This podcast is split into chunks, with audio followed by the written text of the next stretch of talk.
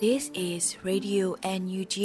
the voice of National Unity Government of Myanmar, broadcasting for Myanmar's Spring Revolution. Radio NUG is transmitting from shortwave 16 meter 17.79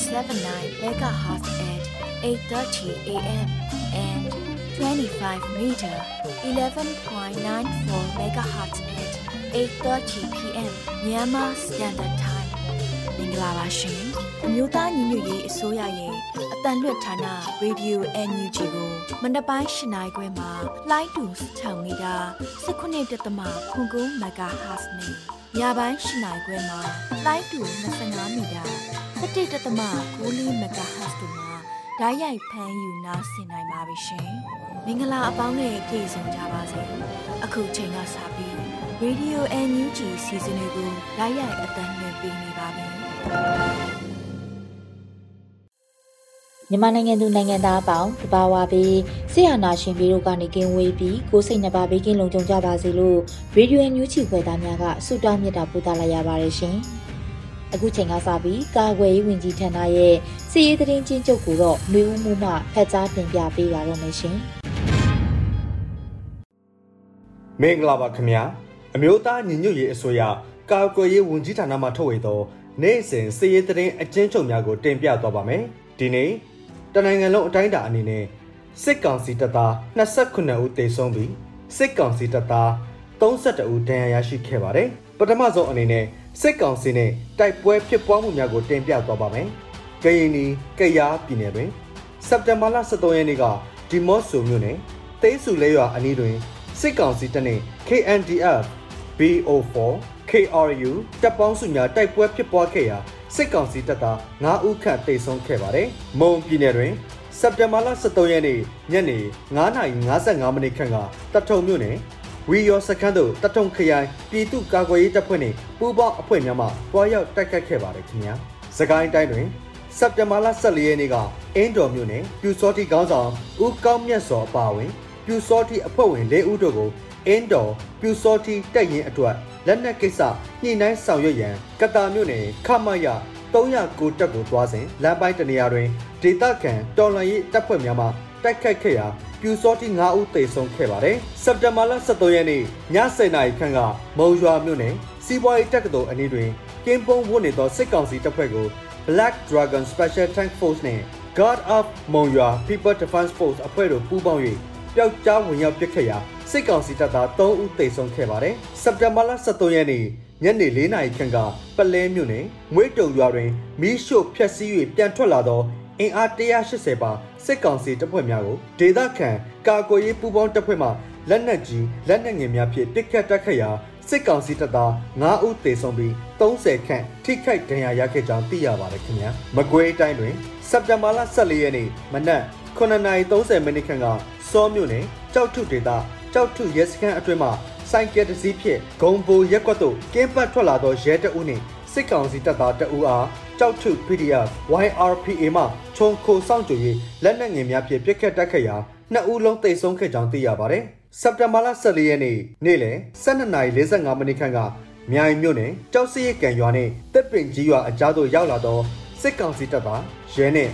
ပြူစောတိတပ်သားများလိုက်ပါလာသောစိုက်ကယ်တစ်စီး Mark II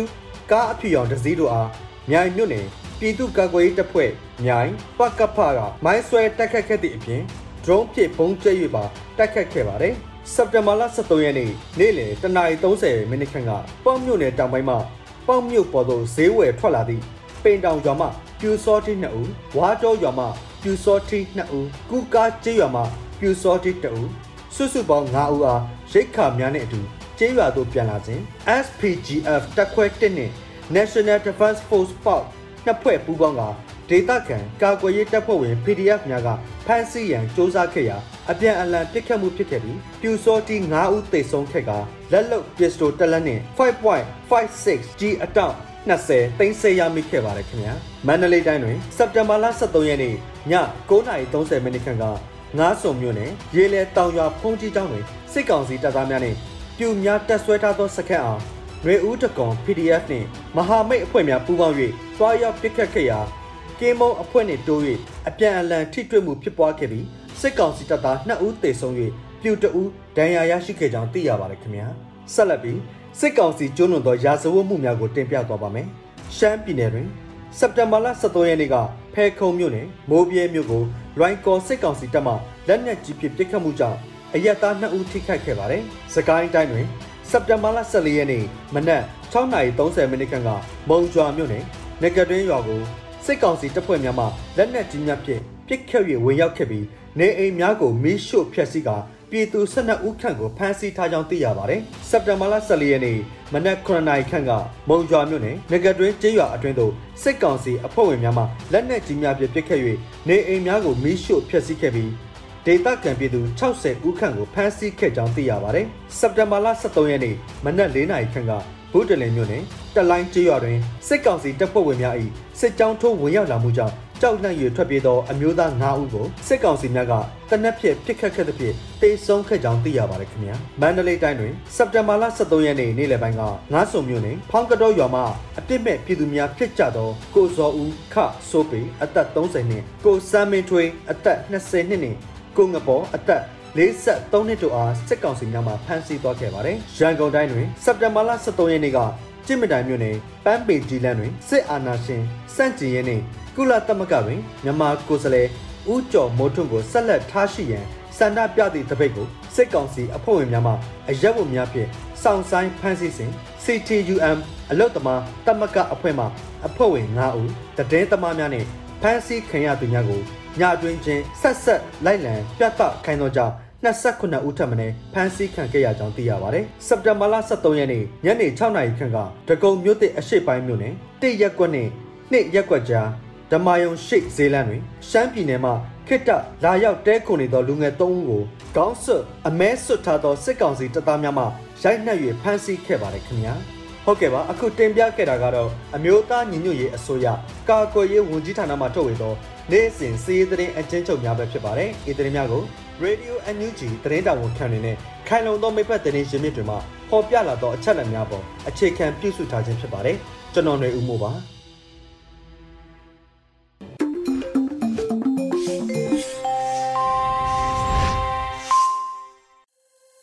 ရေဒီယိုအန်ယူဂျီမှာဆက်လက်တင်ပြနေပါတယ်။အခုဆက်လက်ပြီးနားဆင်ကြရမှာကတော့နောက်ဆုံးရသတင်းများဖြစ်ပါတယ်။စော်တဲ့လူနေမှဖက်ကြားတင်ပြပေးပါရမရှင်။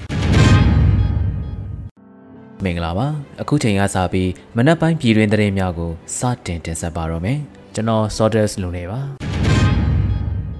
ပထမအဆုံးသတင်းကတော့စီးရဲနဲ့ပတ်သက်လို့ PDF များ social media မသုံးဖို့ကာကွယ်ရေးဝန်ကြီးဆိုလိုက်တဲ့သတင်းပဲဖြစ်ပါတယ် စစ်ရေးနဲ့ပတ်သက်လို့ PDF များ social media မသုံးဖို့ကာကွယ်ရေးဝန်ကြီးဦးရင်မွန်ကဆိုလိုက်ပါတယ်။စက်တင်ဘာလ14ရက်ရေဒီယိုမိတ်ကွန်းမှာ PDF များကိုကာကွယ်ရေးဝန်ကြီးကပြောပါတယ်။အရက်သားဘဝမှာမင်းပါလဲငါပါလဲလှုပ်လို့ရပေမဲ့စစ်သားတယောက်အနေနဲ့အစင်စင်အမိတ်နာခံတတ်မှုဟာအသက်တမျှအရေးကြီးတယ်။ဒါကိုပဲ chain of command တိစောက်မှုလို့ငါတို့ပြောကြတာဖြစ်တယ်။မိမိအင်အားမိမိလက်နက်မိမိဒီနေရာမိမိစီမံချက်ဆိုတာစစ်ရေးမှာလျှို့ဝှက်အပ်တဲ့အရာတွေဖြစ်တယ်။ ဆိုရှယ်မီဒီယာခေတ်မှာသတင်းလုံခြုံရေးစီးကျူးပေါက်မှုမကြာခဏတွေ့နေရတယ်။အရက်သားတယောက်လိုဆိုရှယ်မီဒီယာကိုလွတ်လွတ်လပ်သုံးဖို့မသင့်တော်ဘူးဆိုတာရဲဘော်တို့သတိပြုစေလိုတယ်လို့ဆိုပါတယ်။လက်ရှိမှာ PDF တရင်တပ်ဖွဲ့ပေါင်း300ကျော်ရှိပြီဖြစ်က MOD ကမှတ်ပုံတင်ထားတဲ့အဖွဲ့ပေါင်း250ရှိပြီဖြစ်ပါတယ်။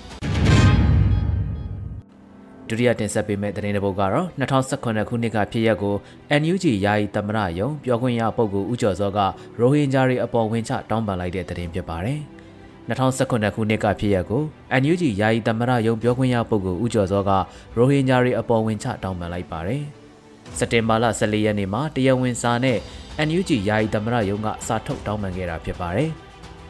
ရခင်ကကျွန်တော်ပြောဆိုခဲ့သောအရာများသည်တင်တို့ကိုထိခိုက်နစ်နာစေခဲ့သည့်အတွက် တနိုင်ငံတည်းသူတနိုင်ငံတည်းသာရိုဟင်ဂျာများကိုကျွန်တော်အနေဖြင့်အယိုးသားဆုံးစည်ရင်းမှန်ဖြင့်တောင်းပန်အပ်ပါတယ်လို့ဆိုထားပါတယ်။2019ခုနှစ်အောက်တိုဘာလ2ရက်တုန်းကသူဟာကနေဒါလွှတ်တော်ရဲ့လူခွင့်ရေးကော်မတီကြားနာမှုမှာတပ်သိတအူးအနေနဲ့ပါဝင်ထွက်ဆိုခဲ့ကြောင်း NUG အစိုးရအဖွဲ့ယာယီသမရယုံပြောရေးဆိုခွင့်ရှိသူဦးကျော်စောကဆိုပါတယ်။အာဏာရှင်စနစ်နဲ့စစ်တပ်ကဇက်တိုက်ကျူးလွန်ခဲ့တဲ့ရာဇဝတ်မှုတွေကိုကာလရှည်ကြာဆက်ကျင်ခဲ့ကြောင်း 2021ခုနှစ်ဖေဖော်ဝါရီလမှာအာဏာသိမ်းမှုဖြစ်ခဲ့ချိန်ကတည်းကနိုင်ငံရေးတက်ကြွလှုပ်ရှားမှုတွေမှာပူးပေါင်းခဲ့ပြီးຫນွေဦးတော်လှန်ရေးကိုကူညီအားပေးခဲ့ကြောင်း NUG အစိုးရအဖွဲ့ပေါ်ပေါက်လာချိန်မှာလဲစန္ဒအလျောက်စေတနာဝန်ထမ်းအဖြစ်ပါဝင်ကူညီခဲ့တယ်လို့ဆိုပါတယ်။လွတ်လပ်မှုညီညွတ်မျှတမှုကိုယ်ကံကြမ္မာကိုဖန်တီးနိုင်မှုတရားမျှတမှုတွေအတွက်ခံစားသက်ဝင်နိုင်မယ် ငြိမ်းချမ်းတဲ့မြန်မာနိုင်ငံတော်တက်တည်ဆောက်သွားဖို့ရိုဟင်ဂျာညီကိုမောင်နှမတွေနဲ့အတူရှေ့ဆက်လက်တွဲဆောင်ရွက်သွားဖို့မျှော်လင့်မိတယ်လို့လည်းဖော်ပြထားပါတယ်။အခုဆက်လက်တင်ပြပေးမှာကတော့ NUG Bond for KNY ငွေတိုက်စာချုပ်ရောင်းချမှုအစီအစဉ်မိတ်ဆက်ပွဲကိုတရုတ်ဆောင်ချစ်သူတွေနဲ့ကိုမင်းကိုနိုင်တို့တက်ရောက်မယ်ဆိုတဲ့သတင်းဖြစ်ပါတယ်။ NUG Bond for KNY ငွေတိုက်စာချုပ်ရောင်းချမှုအစီအစဉ်မိတ်ဆက်ပွဲကိုတရုတ်ဆောင်ချစ်သူတွေနဲ့ကိုမင်းကိုနိုင်တို့တက်ရောက်မှာဖြစ်ပါတယ်။ စက်တင်ဘာလ18ရက်နေ့မှာ NUG Bond for KNY ငွေတိုက်စာချုပ်ရောင်းချမှုအစီအစဉ်မိတ်ဆက်သွားမှာဖြစ်ပါတယ်။ငွေတိုက်စာချုပ်ရောင်းချမှုအစီအစဉ်မိတ်ဆက်ခြင်းကိုလာမယ့်စက်တင်ဘာလ18ရက်နေ့စနေနေ့တိုင်းစံတော်ချိန်မနက်9:00နာရီမှာကန်တာယာဝတီ Times Media Page မှာထုတ်လွှင့်တင်ဆက်သွားမှာဖြစ်ပါတယ်။ကရင်နီဆယ်လီပန်ဂိတ်တတာအဆိုတော်ရုပ်ရှင်မင်းသမီးချစ်သူဝေလူလူကောင်းဆောင်မင်းကိုနိုင်နဲ့ကရင်နီအမျိုးသားတိုးတက်ရေးပါတီ KNPP ဥက္ကဋ္ဌဥခုရဲတို့မှ စီဖြစ်မဲ့နှမ်းတစိဖြစ်ဖို့ NUG ကရင်နီဘွန်ကိုဝယ်ကြဆိုအစီအစဉ်ကိုပါဝင်အားဖြည့်ထားပါတယ်။အခုတခါတင်ပြပေးမှာကတော့ drone နဲ့ဒေါ်လာ1 million ပြည့်ဖို့80ရာခိုင်နှုန်းလိုအပ်သေးတယ်လို့ဆိုခဲ့တဲ့သတင်းဖြစ်ပါတယ်။စက်တင်ဘာ14ရက်နေ့မှာ Project Skywalk ကအသိပေးဆိုထားတာပဲဖြစ်ပါတယ်။ drone နဲ့ဒေါ်လာ1 million ပြည့်ဖို့80ရာခိုင်နှုန်းလိုအပ်ပါသေးတယ်ခင်ဗျာ။ လက်ရှိချိန်ထိ Project Skywalk အီမန်ငွေပမာဏရဲ့30ရာခိုင်နှုန်း American Dollar 3သိန်းအထိရရှိထားပြီပဲဖြစ်ပါတယ်။ခက်ခဲပင်ပန်းနေကြတာမှန်ပေမဲ့စစ်ကောင်စီတပ်ကိုနေရောညပါစိုးရွံ့စေတဲ့ drone တပ်ဖွဲ့တွေကိုအင်အားပြည့်ဖို့အရေးမနှက်ဖြန် project နောက်ဆုံးနေ့ရောက်ပြီမို့တက်နိုင်သမျှအားဖြည့်ပါဝင်ပေးကြပါအောင်ပြောလို့ဆိုထားပါတယ်။ Project Skywalk ဆိုတာအမျိုးသားညီညွတ်ရေးဆိုရာကာကွယ်ရေးဝန်ကြီးဌာနကာကွယ်ဒုဝန်ကြီးနိုင်ကောင်းရုပ်ဦးဆောင်ပြီးဗန္နာရေးဌာနနဲ့ပြည်သူ့ဆက်ဆံရေးအဖွဲ့တို့ဦးစီးလှုပ်ဆောင်တဲ့ဗန္နာငွေရှာဖွေရေးအစီအစဉ်တရက်ဖြစ်ပါတယ်။မြေပြင်ကတိုက်ပွဲဝင်နေတဲ့ drone squad တွေအတွက်မဟာဗျူဟာကျတဲ့ပစ္စည်းတွေကိုအတိုင်းအတာတစ်ခုထိတိတိရောက်ရောက်တက်ဆင်နိုင်မှုဩဂုတ်လ30ရက်နေ့ကနေစက်တင်ဘာလ15ရက်နေ့ထိ campaign ကာလနှစ်ပတ်တာအတွင်း Project Skywalk ကနေဘန္နာငွေပေါင်း American Dollar တသန်းထိရှာဖွေပံ့ပိုးနိုင်မယ်လို့ညွှန်မှန်းထားပါတယ်။ ဆက်လက်တင်ဆက်ပေးမှာကတော့ Australia NUG အစိုးရကိုယ်စားလှယ်ရုံးအတွက်ဝန်ထမ်းခေါ်ယူနေခြင်းမရှိတော့လဲလိုအပ်ပါကလှုပ်ထုံးလုပ်နည်းအရတရားဝင်ကြီးညာမယ်လို့လူခွေရေးဆိုင်ရာဒုဝန်ကြီးဆိုလိုက်တဲ့သတင်းဖြစ်ပါတယ်။ Australia NUG ကိုယ်စားလှယ်ရုံးအတွက်ဝန်ထမ်းခေါ်ယူနေခြင်းမရှိသေးတော့လဲလိုအပ်ပါကလှုပ်ထုံးလုပ်နည်းအရတရားဝင်ကြီးညာမယ်လို့လူခွေရေးဆိုင်ရာဒုဝန်ကြီး Combahan Tan ကဆိုပါတယ်။စတင်မာလာအတွင်းလူမှုကွန်ရက်မှာလူခွေရေးဆိုင်ရာဒုဝန်ကြီးကရေးသားပြောကြားခဲ့တာပါချစ်ခင်လေးစားအပ်ပါသောမိဘပြည်သူများခင်ဗျာ ကျွန်တော်အနေနဲ့မိဘပြည်သူများကိုအသိပေးတတိပေးစရာတခုရှိပါတယ်။လက်တလောကာလမှာကယန်းဒေတာကညီငယ်ညီမငယ်တချို့ကမေးလာတာရှိပါတယ်။ဩစတြေးလျမှာ NUG ရုံးဖွင့်ထားတာမကြသေးဘူးဆိုတော့ရုံးအတွက်အလုပ်ခေါ်တယ်ပြောလို့ဖောင်ဖြည့်ပြီးလျှောက်ထားပြီလို့ပြောပါတယ်။တချို့ကလည်းအလုပ်လျှောက်ချင်ပါတယ်ဆိုပြီးမေးလာတာရှိပါတယ်။ကြာကြာချင်းမှာပဲကျွန်တော်အမတန်မှအံ့ဩသွားသလိုဝမ်းလဲဝမ်းနေမိတယ်။အကယ်၍များအလုတ်ခေါ်တာများရှိရင်လည်းလုံထုံးလုံနေအရာတရားဝင် page ကနေကြီးညာပြီးခေါ်ပါလိမ့်မယ်။ လက်ရှိမှာတော့မဟုတ်ပါဘူးလို့အားလုံးကိုအသိပေးပြောပြချင်ပါတယ်လို့ဆိုပါတယ်အခုဆက်လက်တင်ဆက်ပေးမှာကတော့အကြမ်းဖက်စစ်တပ်ကပြည်내နှစ်တိုင်း73ခုတို့မှာစာတင်ကျောင်းများကိုတိုက်ခိုက်ခြင်းအကြိမ်ရေအတွက်190ကျော်ရှိခဲ့တဲ့တဲ့မှာဖြစ်ပါတယ်။အကြမ်းဖက်စစ်တပ်ဟာပြည်내နှစ်တိုင်း73ခုတို့မှာစာတင်ကျောင်းများကိုတိုက်ခိုက်ခြင်းဟာအကြိမ်190ကျော်ရှိခဲ့ပါတယ်။ စက်တင်ဘာလ23ရက်နေ့ကမြန်မာနိုင်ငံတွင်ပညာရေးအပေါ်တိုက်ခိုက်မှုနှင့်စစ်ရေးအရာအသုံးပြုမှု၏တက်ရောက်မှုများအစီရင်ခံစာပါအချက်များနှင့်၎င်းနှင့်ဆက်ဆက်၍ Save the Children ထုတ်ပြန်ချက်တို့အပေါ်ပညာရေးဝန်ကြီးဌာနကထုတ်ပြန်ချက်မှာဖော်ပြပါရှိပါသည်။ Global Coalition to Protect Education from Attack GCPEA မှပြုစုသောမြန်မာနိုင်ငံတွင်ပညာရေးပေါ်တိုက်ခိုက်မှုနှင့်စစ်ရေးအရာအသုံးပြုမှု၏တက်ရောက်မှုများ The Impacts of Attack on Education and Military Use in Myanmar အစီရင်ခံစာထုတ်ပြန်မှုနှင့်ပတ်သက်သည့် တည်ထုတ်ပြန်ချက်တစ်စောင်ကို2022ခုနှစ်စက်တင်ဘာလ9ရက်နေ့တွင် Save the Children အဖွဲ့ကထုတ်ပြန်ခဲ့ပါတယ်။ထိုအစီရင်ခံစာထဲတွင်2021ခုနှစ်အတွင်းပြည်내နှင့်တိုင်း73ခုတို့တွင်စာသင်ကျောင်းများကိုတိုက်ခိုက်ခြင်းအကြိမ်190ကျော်ရှိခဲ့ပြီးအကြမ်းဖက်စစ်အုပ်စုနှင့်လက်နက်ကင်တိုက်ပွဲများဟာစာသင်ကျောင်းများတွင်တပ်ဆွဲထားခြင်းအချုပ်ခန်းအဖြစ်အသုံးပြုခြင်းလက်နက်များတိုးလောင်သိမ်းဆည်းခြင်းနှင့်တိုက်ခိုက်ခြင်းတို့ကိုလှုံ့ဆော်ခဲ့ကြောင်းဖော်ပြထားပါသည်။ထို့ပြင်စစ်ပွဲတွင်ပါဝင်တိုက်ခိုက်နေသောလက်နက်ကင်အဖွဲ့များအနေဖြင့်တက္ကသိုလ်များနှင့်စာသင်ကျောင်းများကိုစစ်ရေးအတွက်အသုံးချခြင်းမှရှောင်ကျဉ်ကြရန်လည်းတိုက်တွန်းထားပါသည်။အမျိုးသားညီညွတ်ရေးအစိုးရဟာပြည်သူများရဲ့ပညာရေးဆိုင်ရာအခွင့်အရေး right to education ကိုဖြည့်ဆည်းပေးနိုင်ရန်ခိုင်ခိုင်မာမာဆုံးဖြတ်ချက်ချထားပါတယ်။ထို့သောသောပိုင်းဖြတ်မှုကိုစစ်တီတော်ကျင့်ဝတ်များတွင်၎င်းဂျားကာလပညာရေးအစီအမံများတွင်၎င်းစစ်တီတော်ကျင့်ဝတ်များကိုတင်းကျပ်စွာလေးစားလိုက်နာကြရတဲ့အတွက်ထုတ်ပြန်ချက်များတွေ၎င်းတွေ့ရှိနိုင်တယ်လို့ဆိုထားပါတယ်။ အခုတင်ဆက်ပေးမှာကတော့ကောလင်းမြို့နယ်ဇီးကုန်းကျေးရွာကိုအကြမ်းဖက်စစ်အုပ်စု၏စစ်ကြောင်းစစ်ထိုးရေးရောက်ရှိလာခဲ့ပြီး CDM ကျောင်းဆရာနဲ့အရက်သားတအုပ်ကိုတနက်ဖြန်ပြစ်ခတ်တပ်ဖြတ်ခဲ့တဲ့တဲ့တင်ပဲဖြစ်ပါတယ်။ ကောလေးမြို့နယ်ဇီးကုန်းကျေးရွာကိုအကြမ်းဖက်စစ်အုပ်စုတပ်ဟာစစ်ကြောင်းထိုးရောက်ရှိလာခဲ့ပြီး CDM ကျောင်းဆရာနဲ့အရသားတအုပ်ကိုတနက်နဲ့ပစ်ခတ်တပ်ဖြတ်ခဲ့ပါတယ်။စက်တင်ဘာလ12ရက်နေ့ညနေ9:00နာရီခန့်အချိန်တွင်စကိုင်းတိုင်းကောလေးမြို့နယ်ဇီးကုန်းကျေးရွာကိုအကြမ်းဖက်စစ်အုပ်စု၏တပ်စစ်ကြောင်းထိုး၍ရောက်ရှိလာခဲ့ပြီးဒေသခံမျိုးသား2ဦးကိုဖမ်းဆီးပြီးနောက်ပစ်တက်ခဲ့တယ်လို့ AAPP ကဖော်ပြပါတယ်။အဆိုပါမျိုးသားနှစ်ဦးမှာအာနာဖီဆိုင်ရေးလှုပ်ရှားမှု CDM ပြုလုပ်ထားသည့်ကျောင်းဆရာကိုချမ်းသာနှင့်အရက်သားကိုသိန်းစော်တို့ဖြစ်ကြောင်းတင်ရရှိပါသည်။ စစ်တပ်ကအာဏာသိမ်းပြီးတဲ့နောက်နေဦးတော်လှန်ရေးကာလအတွင်းကြာဆုံးခဲ့ရသူစုစုပေါင်းမှာ2286ဦးရှိခဲ့ပြီဖြစ်ကြောင်းသိရှိရပါတယ်။ယခုဖော်ပြပေးခဲ့တဲ့သတင်းတွေကိုတော့ Radio NUG သတင်းတောက်မင်းမင်းကပေးပို့ထားတာပဲဖြစ်ပါတယ်ခင်ဗျာ။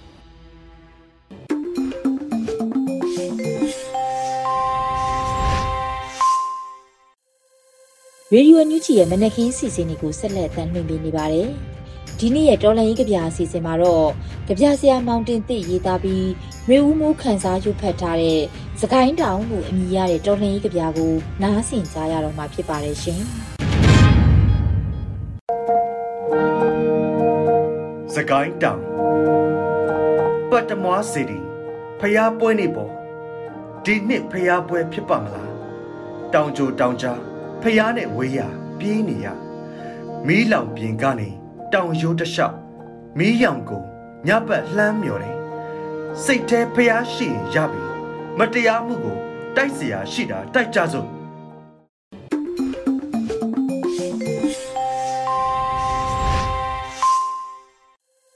ရေဒီယိုညူဂျီပရိသတ်တွေအတွက်ကူးဆက်လက်ပြီးထုတ်လွှင့်ပေးမယ့်အစီအစဉ်ကတော့ပြည်သူခုခံစစ်တရင်များဖြစ်ပါတယ်။ရေဦးလိပ်ပြမှဖတ်ကြားတင်ပြပေးပါမယ်ရှင်။ ပထမဦးစွာမန္တလေးတွင်နေထင်းရဲတအုပ်ပြစ်တက်ခံရပြီး6လုံးပြုတ်တဲ့တင်ဆက်ရမိတဲ့သတင်းတင်ဆက်ပါမယ်။မန္တလေးကနော်ကြီးကံပတ်လန်အင်းမြဖျားအနီးရှိအမှတ်30ရဲစခန်းမှနေထင်းရခိုင်ကြီးကို MDY PDF ဘိုးနှက်ခတ်ဦးဆောင်သောအဖွဲ့မှစက်တင်ဘာလ10ရက်နေ့ည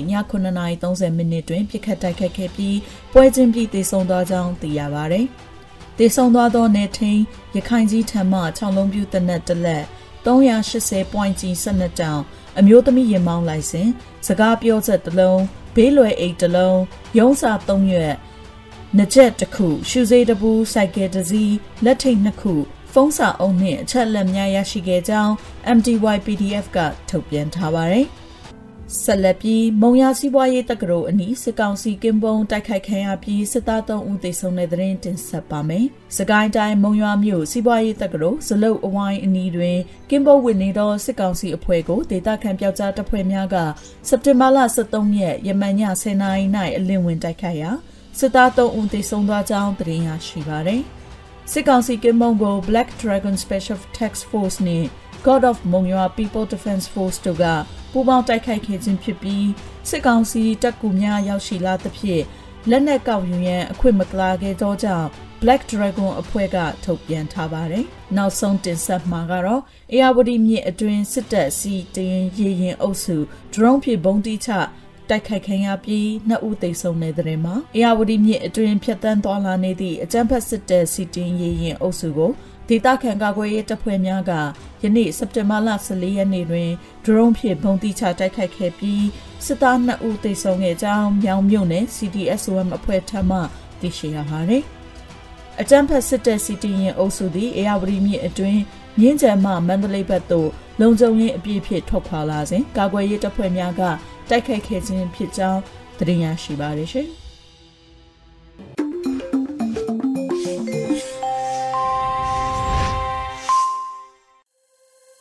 ရေဒီယိုအန်ယူဂျီမှာဆက်လက်အသံလွှင့်ပေးနေပါတယ်။အခုဆက်လက်ပြီး PPTV ရဲ့နေ့စဉ်သတင်းများကိုထက်ထက်အင်ဒရာအောင်မှဖတ်ကြားတင်ပြပေးပါရမရှင်။အခုချိန်ကစပြီး PPTV သတင်းတွေကိုတင်ဆက်ပြီးတော့မှာပါ။ကျွန်မထက်ထက်အင်ဒရာအောင်ပါ။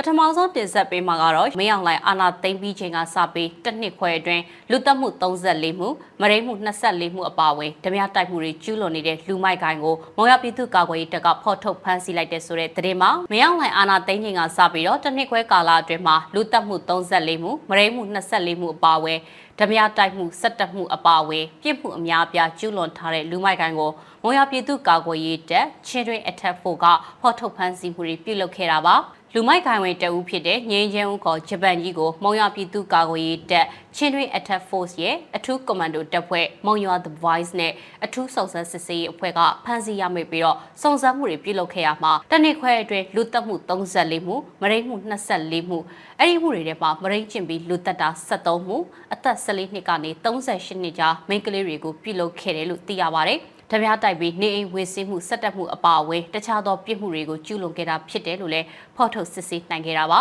လူယူခဲ့တဲ့ငွေကြေးတန်ဖိုးကကျပ်သိန်း650စိုက်ကယ်65စီးနဲ့ရွှေလူရက်မှု23မှုတို့ရှိတယ်ဆိုပြီးတော့လည်းဖော်ထုတ်ရရှိခဲ့ပါတယ်ဖမ်းဆီးရမိတဲ့အချိန်မှာဓာတ်အတူ9လက်အရှိ3လက်နဲ့တနက်အတူ1လက်တို့ပါလက်ဝဲဖမ်းဆီးရမိခဲ့တာပါငင်းချမ်းခေါ်ဂျပန်ရဲ့ထွက်ဆိုချက်အရလူမိုက်ဂိုင်ကောင်းဆောင်ဖြစ်သူဇော်ဦးခေါ်ဆန့်ရှိကို စက်တင်ဘာလ၄ရက်မနက်6နာရီအချိန်ရုံကြီးရက်ကွက်ကန်နာလန်ကြောက်ဆောင်စိတ်အနီးညောင်မင်းအောင်တာပေါင်ပေးမှာတွားရောက်ဖမ်းဆီးရာပြန်လည်ခုခံခဲ့တဲ့အတွက်အသေးပြစ်ခတ်ရှင်းလင်းခဲ့ရတယ်ဆိုပြီးတော့ချင်းတွင် Attack Force ကတည်ထုတ်ပြန်ထားပါတယ်ငင်းချမ်းဦးခေါ်ဂျပန်ကြီးကိုဖမ်းဆီးထားစဉ်အတွင်းမှာပဲစက်တင်ဘာလ3ရက်ညတနာရီခန့်မှာစေသမားဖြစ်တဲ့အတွက်စေးငက်ရင်းထပြီးတော့နှလုံးဖောက်ကတေဆုံးခဲ့ရတယ်လို့ဆိုပါတယ်။ မုံရခရိုင်ပြည်သူ့ကာကွယ်ရေးတပ်ချင်းတွင် Attack Force တပ်ရင်း2တပ်ရင်း3တပ်ရင်း4တို့အနေနဲ့အခုလိုလူမိုက်တွေကပြည်သူတွေပေါ်ပြစ်မှုကျူးလွန်နေတာတွေကိုအပြည့်အဝအကာအကွယ်မပေးနိုင်တဲ့အတွက်အလွန်စိတ်မကောင်းဖြစ်ရတယ်လို့တာဝန်မကျေပွန်မှုတွေဖြစ်ရတဲ့အတွက်တောင်းပန်ပါတယ်ဆိုပြီးတော့လည်းဖော်ပြထားပါတယ်။ပြစ်မှုကျူးလွန်ခဲ့တဲ့ပြည်သူတွေအနေနဲ့လည်းအရှက်ကြောက်တရားတွေကိုအဓိကမထားဘဲ နှိစက်ရပြည်သူ့ကာကွယ်ရေးတပ်တွေစီတိုင်ကြားပြီးတော့တရားမျှတမှုပြန်လည်ရရှိရေးအတွက်လှုံ့ဆော်တင်တယ်လို့မွန်ရွာခရိုင်ပြည်သူ့ကာကွယ်ရေးတပ်ချင်းတွင် Attack Force ကတိုက်တွန်းထားပါတယ်ဆလတ်တင်ဇက်ပေးမှာကတော့ပန်းမေနီလန်မှာအကြမ်းဖက်စစ်တပ်ကတနက်နဲ့ပြစ်ခတ်ဖမ်းဆီးလို့တပိတ်ရဲဘော်15ဦးကျော်အဆက်အသွယ်ပြတ်တောက်နေတဲ့ဆိုတဲ့သတင်းမှာ ရန်ကုန်မြို့ကြည်မြနိုင်မြို့နယ်ပန်းပင်နီလန်းရခေပန်းပင်ကြီးလမ်းမှာအကြမ်းဖက်စစ်တပ်ကတပ်နှက်နဲ့ပစ်ခတ်ဖမ်းဆီးခဲ့တဲ့အတွက်တပိတ်ရဲဘော်15ဦးကျော်အဆက်အသွယ်ပြတ်တောက်နေတယ်လို့ရေပွဲပြည်သူအကျိုးပြုလူငယ်အဖွဲ့အစည်းကသတင်းထုတ်ပြန်ပါတယ်။ပန်းပင်နီလန်းရခေပန်းပင်ကြီးလမ်းမှာစက်တင်ဘာလ23ရက်မှာတော်လှန်လူငယ်တွေကလူထုဒေသတချင်းတက်မြိုင်တီးဆိုပြီးတော့ UN Proof Your Existence for Justice ဆိုတဲ့စာသားကိုကင်ဆယ်ပြီးတော့ ပြည်သူ့တန်အမတ်ဦးကျော်မိုးထွန်းသည်ပြည်သူအတန်ပြည်သူအစိုးရကိုစားပြုဖြစ်ကြောင်းနဲ့ပြည်သူ့တန်အမတ်ကိုသာဆက်လက်အားပေးရက်တီရန် UN ကိုတောင်းဆိုတဲ့အကြမ်းမဖက်လှုပ်ရှားမှုပြုလုပ်နေကြစဉ်အတွင်းမှာအကြမ်းဖက်စစ်တပ်ကအိမ်စည်းကားတွေအုံပြုပြီးတော့အရက်ဝတ်တွေနဲ့တနက်ပစ်ခတ်ဖမ်းဆီးမှုတွေပြုလုပ်ခဲ့တာပါအကြမ်းဖက်ဖမ်းဆီးခံရသူတွေထဲမှာရေပွဲပြည်သူအကျိုးပြုလူငယ်အဖွဲ့အစည်းအခြေခံပညာကျောင်းသားလူငယ်များအစည်းအရုံးအကာလဗဟိုမြန်မာ Labor Alliance ဗမာလူငယ်ကွန်ရက် ပညာနန်းတော်ကိုပိုင်ကျောင်းသားများတက်မက on community နဲ့တည်င်းရယူနေတဲ့တည်င်းထောက်တွေအပါအဝင်အမျိုးသားအမျိုးသမီး LGBTQ နဲ့အသက်မပြည့်သေးတဲ့လူငယ်စုစုပေါင်း15ယောက်ကျော်အဆက်အသွယ်ပြတ်တောက်သွားတယ်လို့ထုတ်ပြန်ချက်ထဲမှာဖော်ပြထားပါတယ်။ဒါ့အပြင်ရေပွဲပြည်သူအကျိုးပြုလူငယ်အဖွဲ့အစည်းရဲ့ထုတ်ပြန်ချက်ထဲမှာဖမ်းဆီးခံရသူတွေကိုဘယ်နေရာကိုခေါ်ဆောင်ထားလဲဆိုတာကိုမသိရဘူးဆိုတာနဲ့အကြမ်းဖက်စစ်တပ်ရဲ့လူမဆန်တဲ့ညှဉ်းပန်းနှိပ်စက်မှုတွေကြောင့်အသက်အန္တရာယ်ထိခိုက်မှုရှိမှအထူးစိုးရိမ်ရတယ်ဆိုပြီးတော့ဖော်ပြထားပါတယ်။ကျေးဇူးတင်ပါတယ်ရှင်။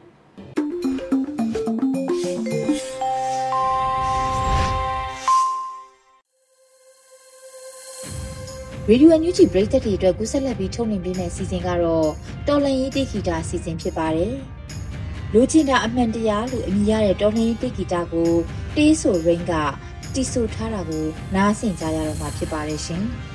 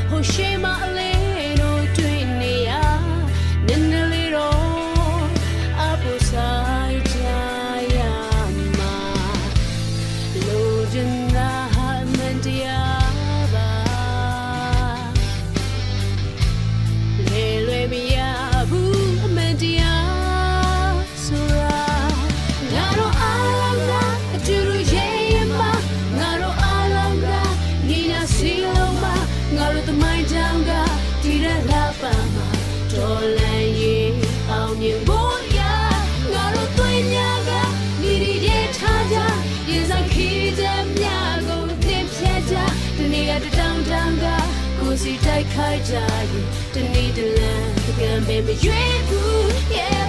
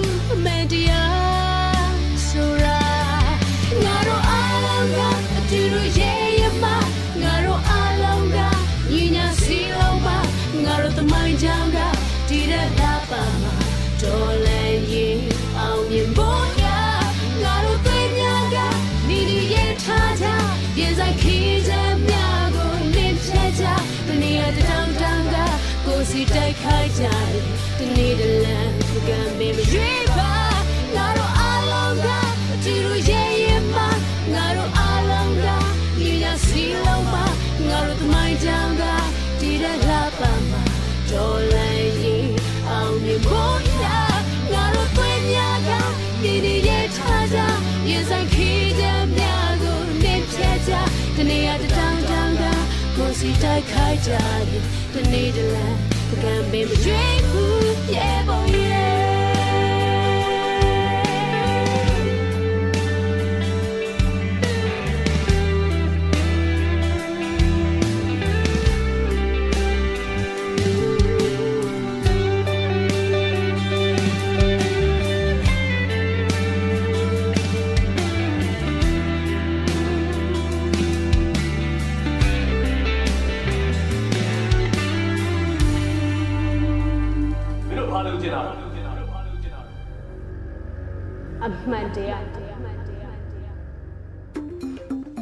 ဒီကနေ့ကတော့ဒီညနေပဲ Radio NUG ရဲ့အစီအစဉ်လေးကိုခေတ္တရ延လိုက်ပါမယ်ရှင်။မြန်မာစံတော်ချိန်မနေ့၈နိုင်ခွဲနဲ့ည၈နိုင်ခွဲအချိန်တွေမှာပြောင်းလဲဆိုပြကြပါလို့ရှင်။ Radio NUG ကိုမနေ့ပိုင်း၈နိုင်ခွဲမှာ